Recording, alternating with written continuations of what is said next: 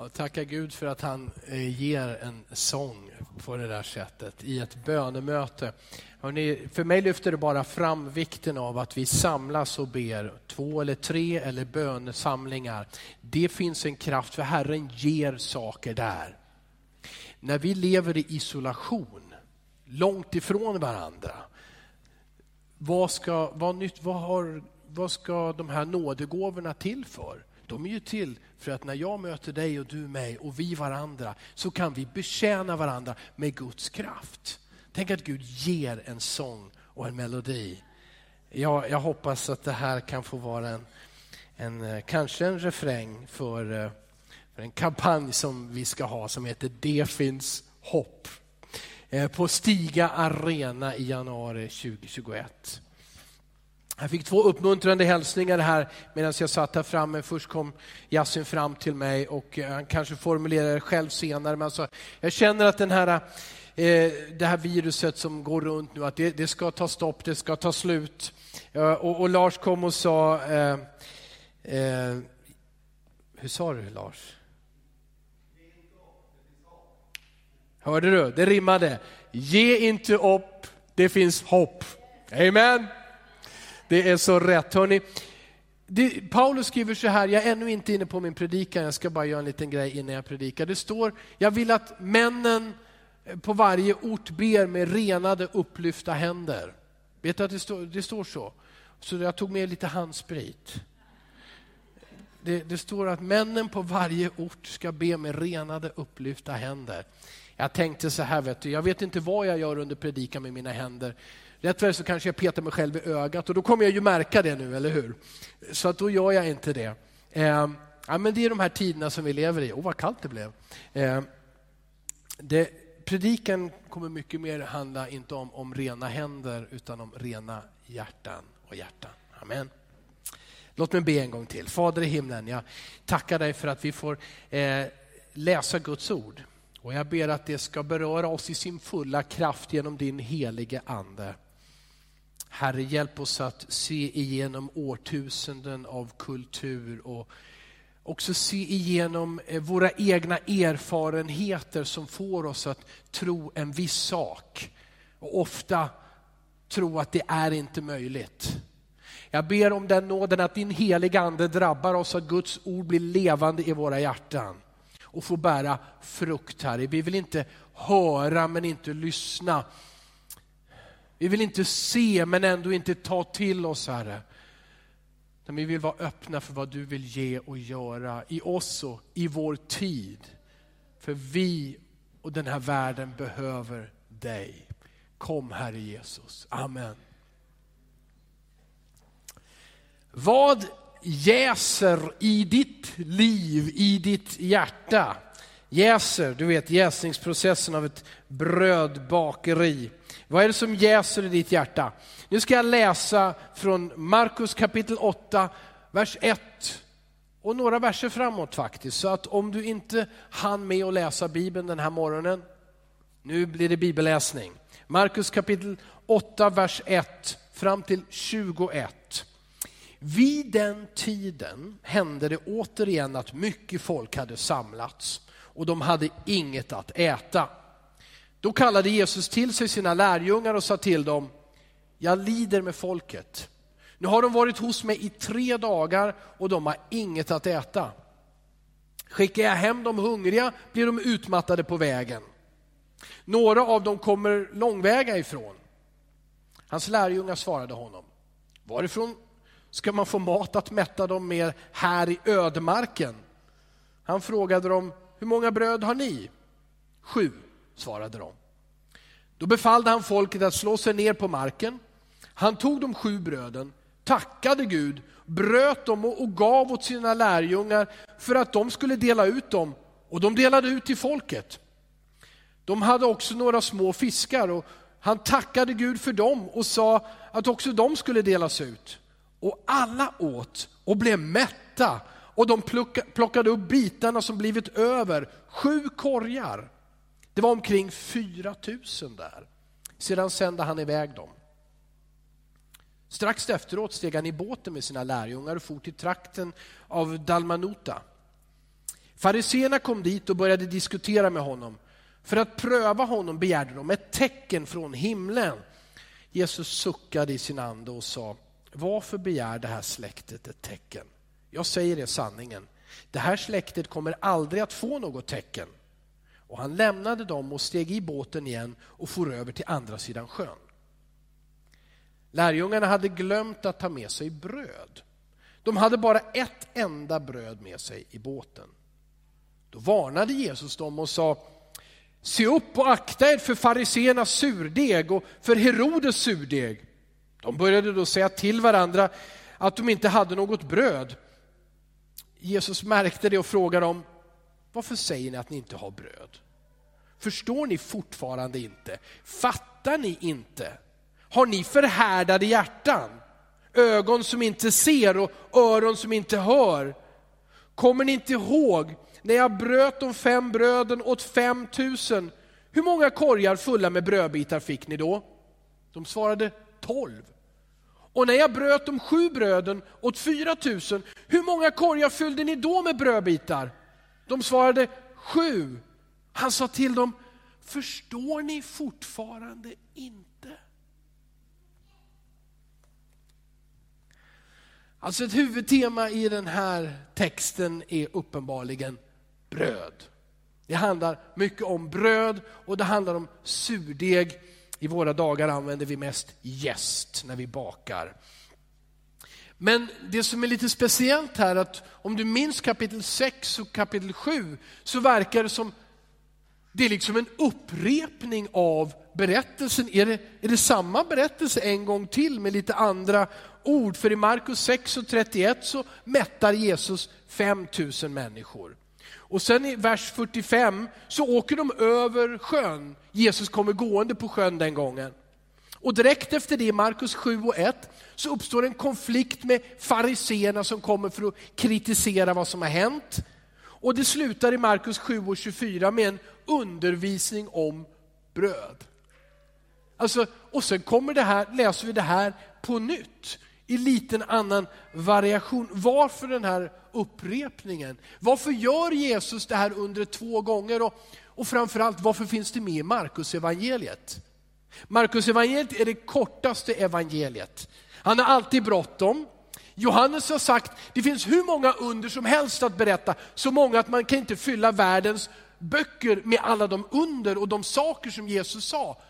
Så om du, Markus, har så ont om plats, varför tar han upp samma, nästan samma bröd under en gång till och samma konflikt och, och samma betoning på, på det här med bröd och surdegen? Varför gör han det? Det finns uppenbarligen sanningar som Jesus han vill få sina lärjungar att ta till sig dem. För det finns någonting i den här texten som är så viktigt att Markus när han skriver till de romerska läsarna väljer att jag tar det här undret, ja men jag tar det liknande undret en gång till. Och det som sades efter det. Jesus vet att här finns avgörande lektioner för oss om vi ska vara sanna lärjungar. Inte bara de som ser men ändå inte ser. Som lyssnar men ändå inte tar till, som hör men ändå inte lyssnar. Han vill att vi ska tro som han gjorde. Han vill att vi ska handla som han gjorde. Och Markus inser att läsarna behöver fatta djupet i det här. Och hela tiden så ser vi, det handlar om hjärtat. Det handlar om våra hjärtan. Jesus sa till lärjungarna, är era hjärtan förhärdade? Trots att jag mättade 5000 män plus kvinnor och barn. Och de hade sett honom gå på vattnet. Men han, och, och vi ser också hur han går till rätta med fariseernas religion som satsade på det yttre, på att tvätta händerna för att tro att då är jag ren i mitt hjärta.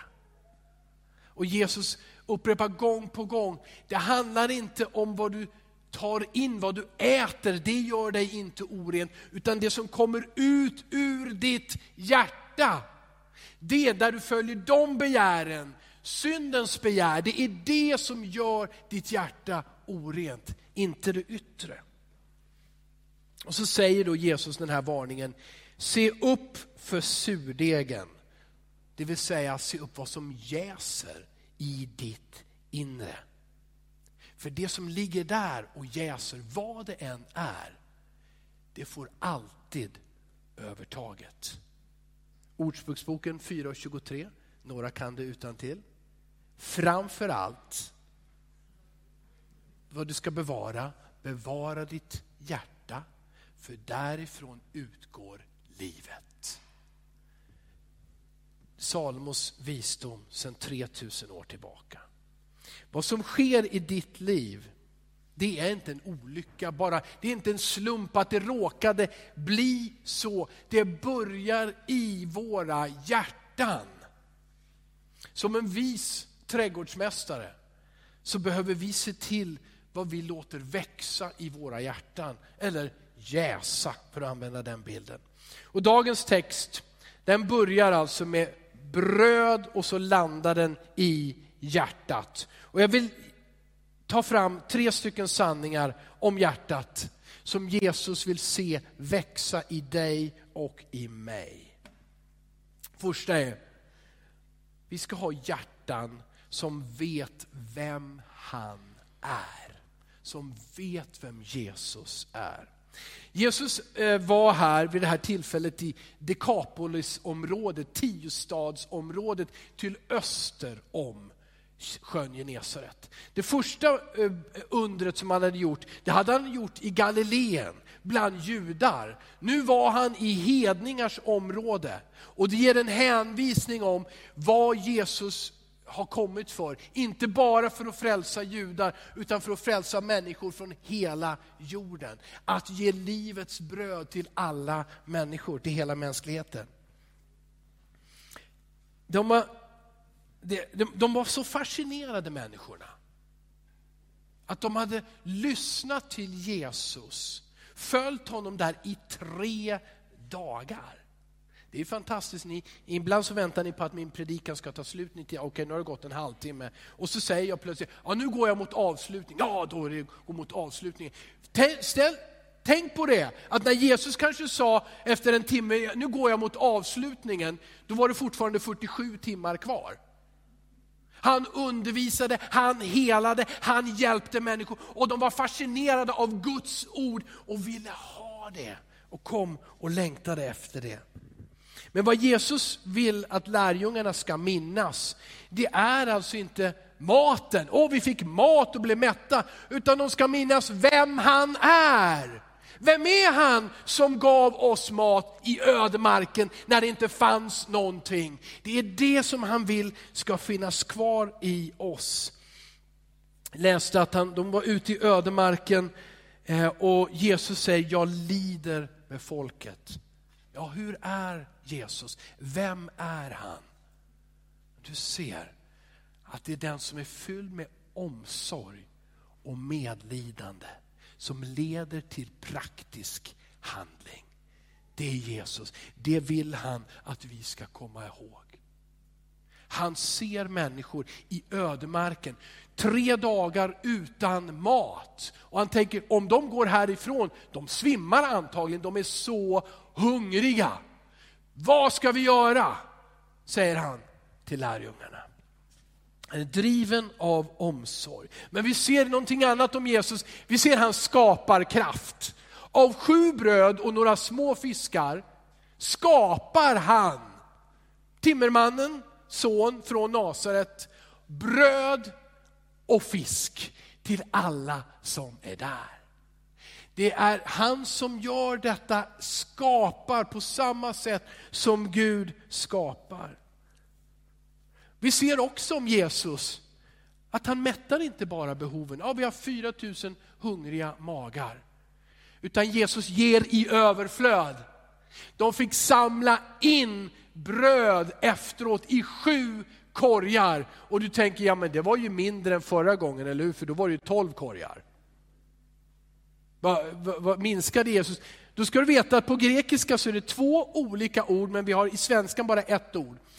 När de första gången när de samlade in 12 korgar, då handlade det mer om väskor, småkorgar.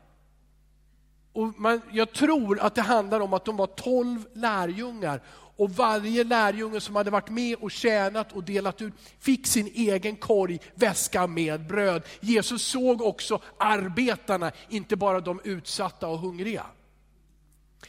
Men den här gången så är det ett an, helt annat ord. Det handlar om stora korgar. Det handlar om en sån korg som beskrivs som Paulus när de firade ner honom från muren i Damaskus. Han satt i den korgen. Vi talar alltså om rejäla sju korgar. Jag skulle argumentera att det blev över mera den här gången än första gången. Men vad vi ser är att när Jesus skapar och ger så ger han i överflöd. Han mättar inte bara ditt behov, Jesus jag behöver lite pengar, jag behöver lite hjälp, jag behöver ett råd. Han vill ge, för han älskar dig. Amen. Och, och, har du inte förstått det, då ska du lyssna på Malins predikan från förra söndagen om kärleken till Jesus och kärleken till varandra utifrån Guds hjärta och natur som han är, vill han ge. Och han ger i överflöd. Så är Jesus. Han vill att vi ska se människor och lida med dem som han gjorde. Han vill att vi ska tro att när han är med, då finns det en skapande kraft som gör det omöjliga möjligt. Och när han är med så blir det ett överflöd. Han täcker behoven och mer därtill.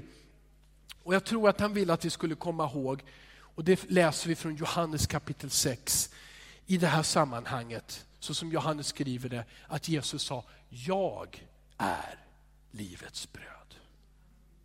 Jag, den som hungrar och kommer till mig, ska aldrig någonsin hungra. Det handlar om vem Jesus är. Inte bara mätta magar. Utan han vill säga, jag är den som tillfredsställer dig. Du kan söka tillfredsställelse i mat, i sex, i makt, i lyx. Och han säger, men det är jag och det är bara jag som verkligen tillfredsställer dig. Ditt hjärtas begär. Jesus vill att vi ska få hjärtan som är gripna av honom, som förstår vem han är. Men också, den andra saken i den här texten, den andra sanningen som jag tror att Markus vill att vi ska ta till oss när han skriver ner evangeliet. Han vill att vi ska ha hjärtan som skyddar sig mot det som Jesus hatar. Ja. Han vill att vi ska ha hjärtan, han vill att vi ska beskydda våra hjärtan från det som Jesus hatar.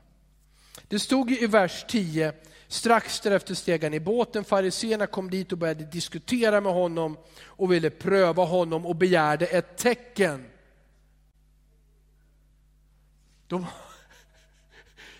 det var värsta, största tecknet. Ödemark. Inga mataffärer, inga byar i närheten tusentals människor förhungrade. Och de får alla ett överflöd att äta. Och fariseerna har mag att komma och säga, vi vill ha ett tecken. Annars så tror vi inte på dig. Det här, det här är så tragiskt men nummer ett, vad de frågade efter var inte ett till mirakel.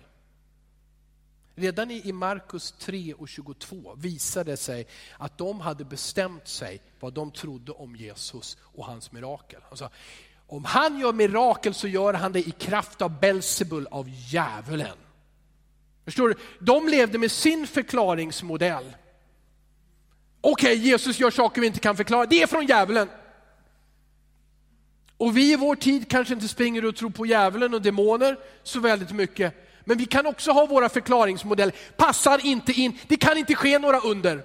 Sådana här saker sker inte, så jag tror inte. Jag vill se ett riktigt under om jag ska tro på Jesus.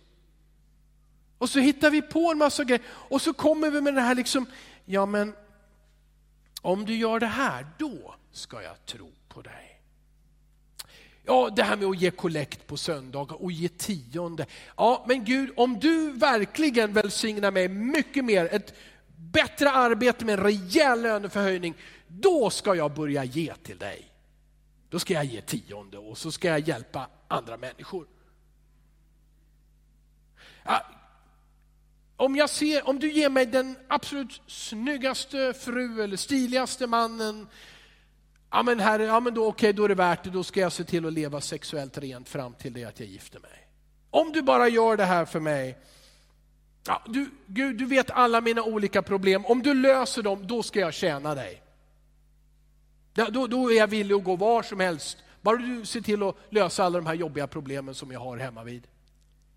Och så finns ett tänkande, ett förhandlande med Jesus. Om du gör för mig, om du visar ett tecken till, om du är lite snällare mot mig, då ska jag tjäna dig och tro på dig. Men eh, förstår du att tro handlar alltid om att först tror vi, sen upplever vi.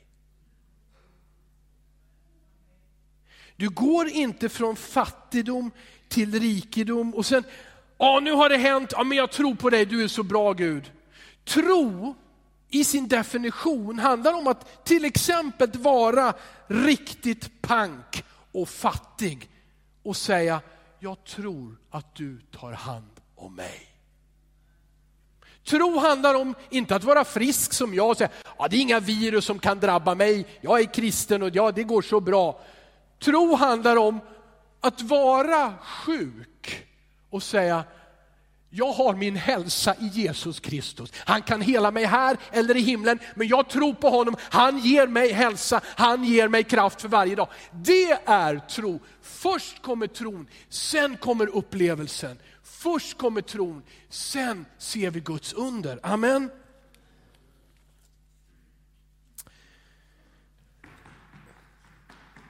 Jesus är liksom inte beredd att spela vårt spel. Det handlar om en radikal överlåtelse av våra hjärtan. En helhjärtad överlåtelse. Dag för dag, med början idag, att ge allt till honom. Jag litar på dig, jag vill förlita mig på dig. Vad som än händer, vad människor än säger, jag vill lita på dig. Varför, varför, nu, varför blir Jesus så frustrerad här? Han säger, det här släktet ska aldrig få ett tecken. Ja, för det första så tror jag så här att fariseerna sa, vi väntar på Messias, Gud ska rädda oss. Och så står han framför dem och de vägrar att tro eller se att Messias är här. Och ändå värre, de är religiösa ledare, inflytelserika personer i samhället, i landet. Och med sin otro så förleder de folket bort ifrån Gud. Och det är allvarligt för dig och mig att säga, jag tror, jag går i kyrkan. Och sen när det verkligen gäller, så tror du inte.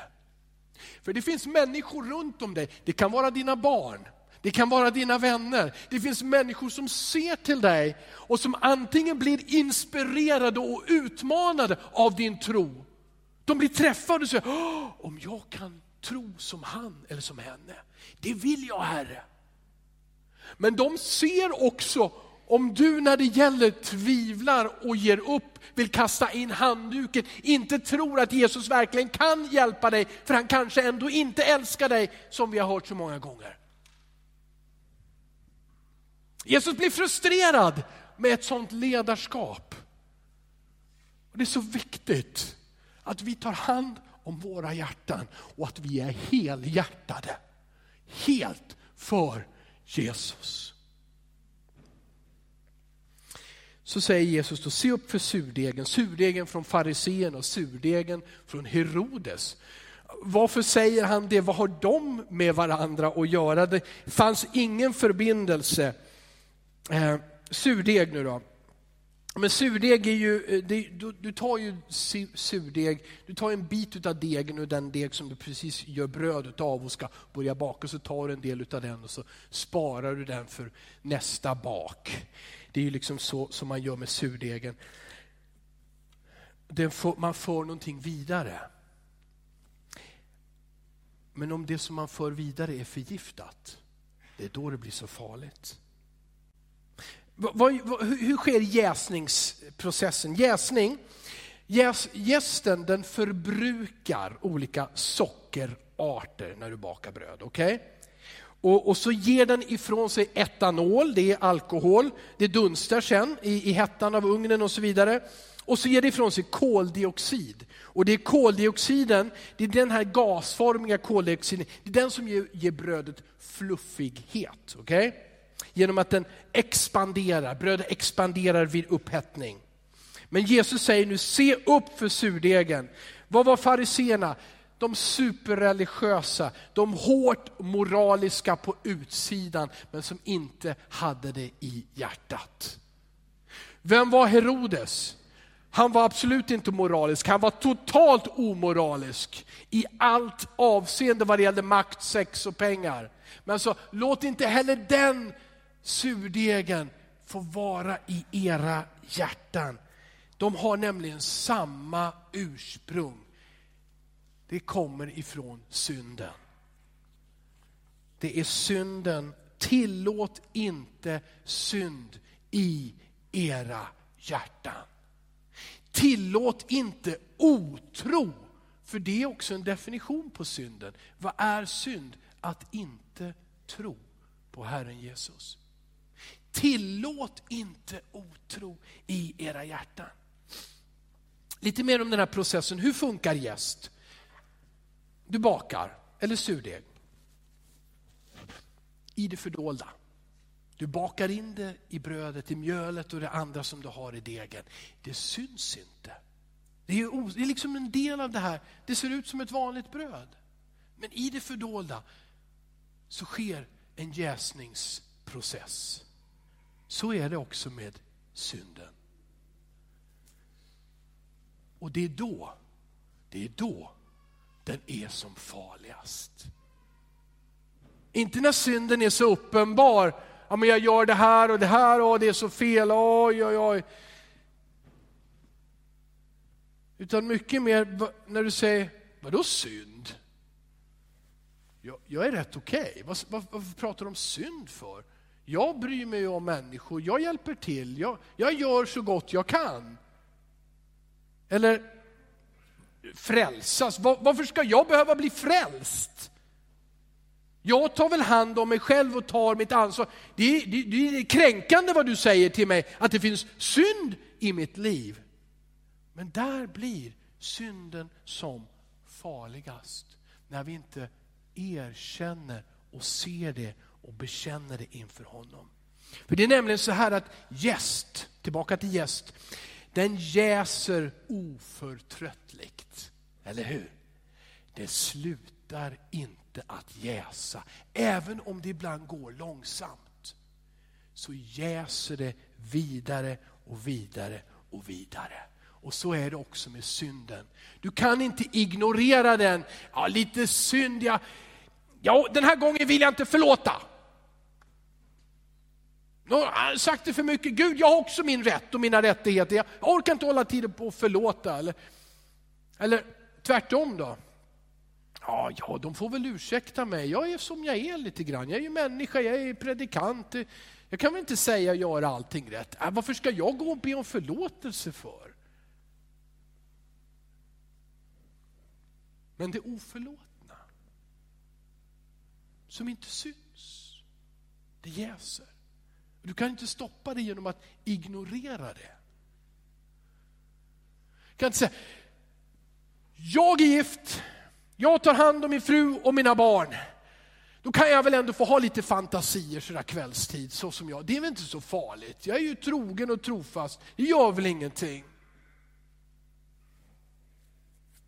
Men av en fantasi blir det två fantasier. Det växer, det jäser alltid.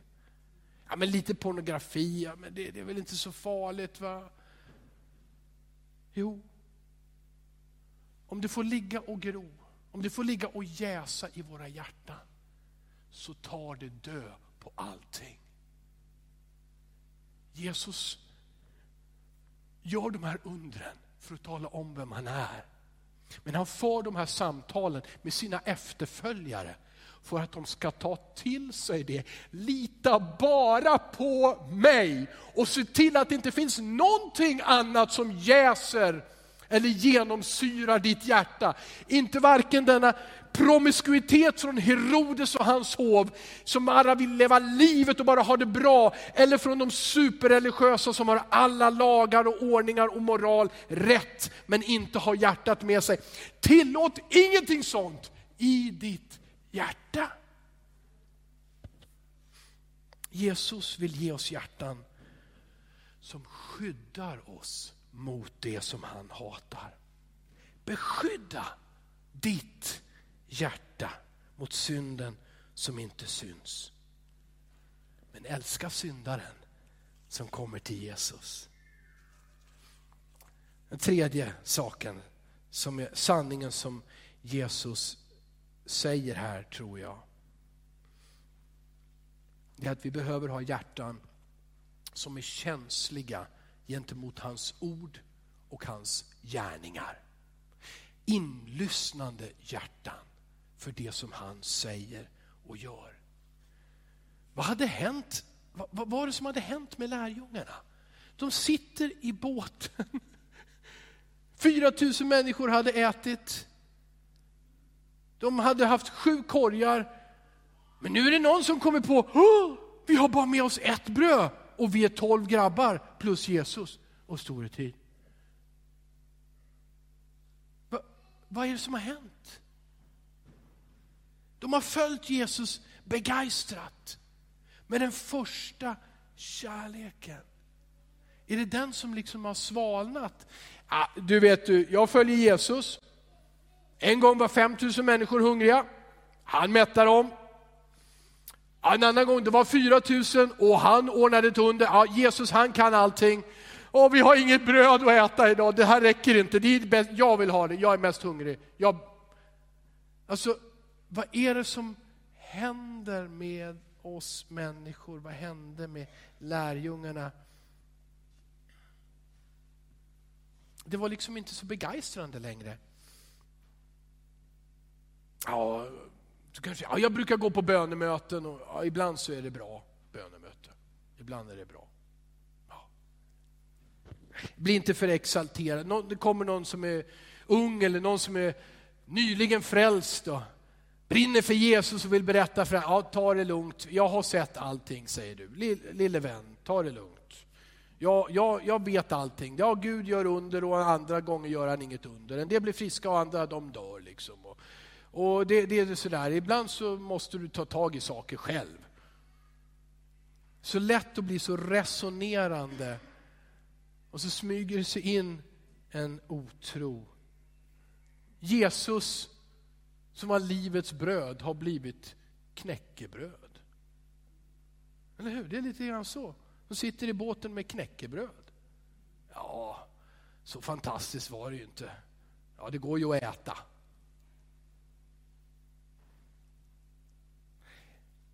Titta här, och det här är, det här är för oss. Vers 19 och vers 20. Jesus frågar, kommer ni inte ihåg? Hur många korgar fulla med brödbitar fick ni? Tolv, säger de. Och andra gången när det var 4000, hur många korgar blev över? Sju.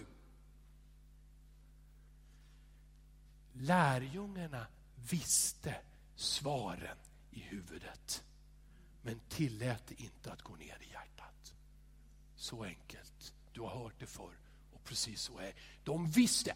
Tolv korgar! Tolv korgar! Sju korgar! Kan ni tro nu när det bara finns ett bröd och vi sitter här i båten? Nej. Det är så lätt att veta i huvudet att Jesus beskyddar, leder, hjälper, älskar alla människor. Att det inte finns några synder som inte går att förlåta. Att han kan ta och lyfta vilken människa som helst upp ur dyn. Att han ser dig hela tiden, aldrig lämnar dig. Det är så lätt att glömma bort det, att låta det vara kunskap i huvudet, men det måste ner i våra hjärtan så de fylls av tro och vi tjänar honom som han är. Var är ditt hjärta idag? Ser du vem han är? Jesus, Guds son. Ser du vem han är? Är du, beskyddar du ditt hjärta ifrån synden? Dina tankar? Och är du känslig för hans ord och för hans tilltal och hans ledning? Var är ditt hjärta idag? Bevara ditt hjärta, ropar Ordspråksboken igen. Bevara ditt hjärta, för därifrån utgår livet. Och när du har liv, då har du Jesus. Och han lever igenom dig. Avslutningen. Att bli som Jesus. Det är att ta emot honom i hjärtat helt och hållet, dag för dag. Vad händer? Jesus såg de hungriga människorna och det ledde till praktisk handling. I just den här tiden, när vi som bor i ett land där vi redan är väldigt isolerade från varandra, eller hur? Vi, vi säger väl ofta det, vi lever liksom i världens mest isolerade land. Du är där och jag är här. Så ska vi isolera oss ännu mer nu. Okej, okay. vi är försiktiga med ett virus som vi inte ser. Men det finns fortfarande utsatta människor. Det finns fortfarande ensamma människor. Det finns fortfarande sjuka människor. Om Jesus ser dem, då drivs han av en kärlek att hjälpa dem praktiskt. Så med all den rädsla och försiktighet som du kan ha, vill du vara som Jesus idag och se människor som behöver dig som behöver att du är Jesu utsträckta hand. Att du är Jesu fötter som går till en annan medmänniska. Kanske ska du hjälpa oss med hoppförmedlingen på onsdag eftermiddagar. Det kommer människor till Pingkyrkan för att få matkassar. Men det brukar ta slut rätt så fort. Kanske är du den som, som vill hjälpa till och köpa in någonting extra och hjälpa till. Jag har funderat här om inte det som sker just nu kan utlösa, genom att människor möter Jesus, utlösa en storm av generositet. Jag antar att vi alla tillsammans i våra... Vi har nu så mycket toalettpapper där hemma, eller hur? Vi har massor med toalettpapper och antagligen frysta grönsaker och lite och mjöl. Mjöl har ni också skaffat. Mjöl. Det är så tomt i butikerna på mjöl. Kanske har fyllt på nu på morgonen, jag vet inte. Ska det nu stå där och bli gammalt de nästa 10, 20, 30 åren? Kanske vill Jesus tala om för oss, dela med dig. Han hann inte köpa toalettpapper, alltså, jag ger honom hälften av mitt förråd. Förstår du? Att Jesus kan ur den här rädslan och försiktigheten och hamstrandet, om vi följer honom, föda någonting helt fantastiskt av kärlek och hjälpsamhet över vårt land. Välkommen om du vill till hoppförmedlingen.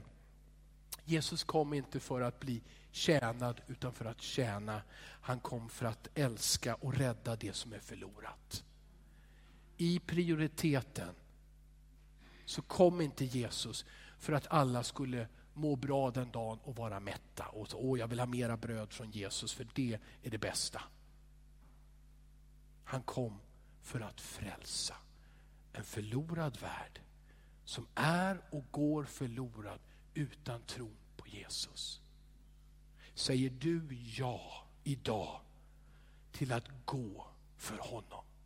För att älska människor och berätta om evangeliet. Om Jesus som dog på ett kors och uppstod för varje människa. Låt oss be tillsammans. Fader i himlen. Tack för ditt ord. Och tack för hur det får verka i oss, Herre. Personligen känner jag mig ofta som en väldigt trögfattad lärjunge. Långsam att våga och tro och gå och göra. Herre Jesus, jag kommer med den här otron, jag kommer med mina svagheter. Jag kommer, hoppas jag, som jag är till dig. Tack för att du har dött på ett kors för oss, långt innan vi ens var födda. Tack för att du har gett ditt liv för att tala om för oss att Fadern älskar varenda människa som föds på denna jord. Och det finns liv och framtid för alla. En plats att tjäna dig. Herre, jag ber dig i ditt namn, Herre, ta våra liv och gör med oss vad du vill, Herre Jesus Kristus. Jag ber Herre Jesus om förlåtelse där synd har tillåtits i mitt hjärta, Herre. Där jag har tillåtit synd i mitt hjärta. Jag ber om förlåtelse och rening. Herre, jag vill inte bara ha rena händer, jag vill ha ett rent hjärta igenom dig Jesus Kristus. Herre, jag ber Herre, där ögonen har liksom blundat och inte sett människor som lider, Herre. Jag vill på nytt öppna mina ögon för en värld och människor runt omkring, för att se i kärlek och ut ur kärleken handla för att hjälpa andra, Herre Jesus. Herre, vi vill se en förlorad värld som är rädd och förvirrad. Sprida hopp om dig Jesus, för du ger frid till varje människa som kommer till dig Herre. Herre, vi vill stå för detta, vi vill sjunga detta, vi vill predika detta, vi vill leva detta. Det finns hopp genom dig Jesus. Tack Herre, i Jesu namn. Amen. Amen, amen, amen. Du har lyssnat till en predikan i Pingstkyrkan i Eskilstuna. Om du vill höra den igen eller höra andra predikningar eller se, då finns vi på TV Eskilstuna och vi finns på Youtube där du hittar oss under eh, Pingstkyrkan Eskilstuna. Du kan också klicka på prenumeration om du vill veta när nya predikningar läggs ut. Alla är välkomna hit. Du är varmt välkommen att eh, kontakta oss eller besöka ett av våra möten eller kyrkan.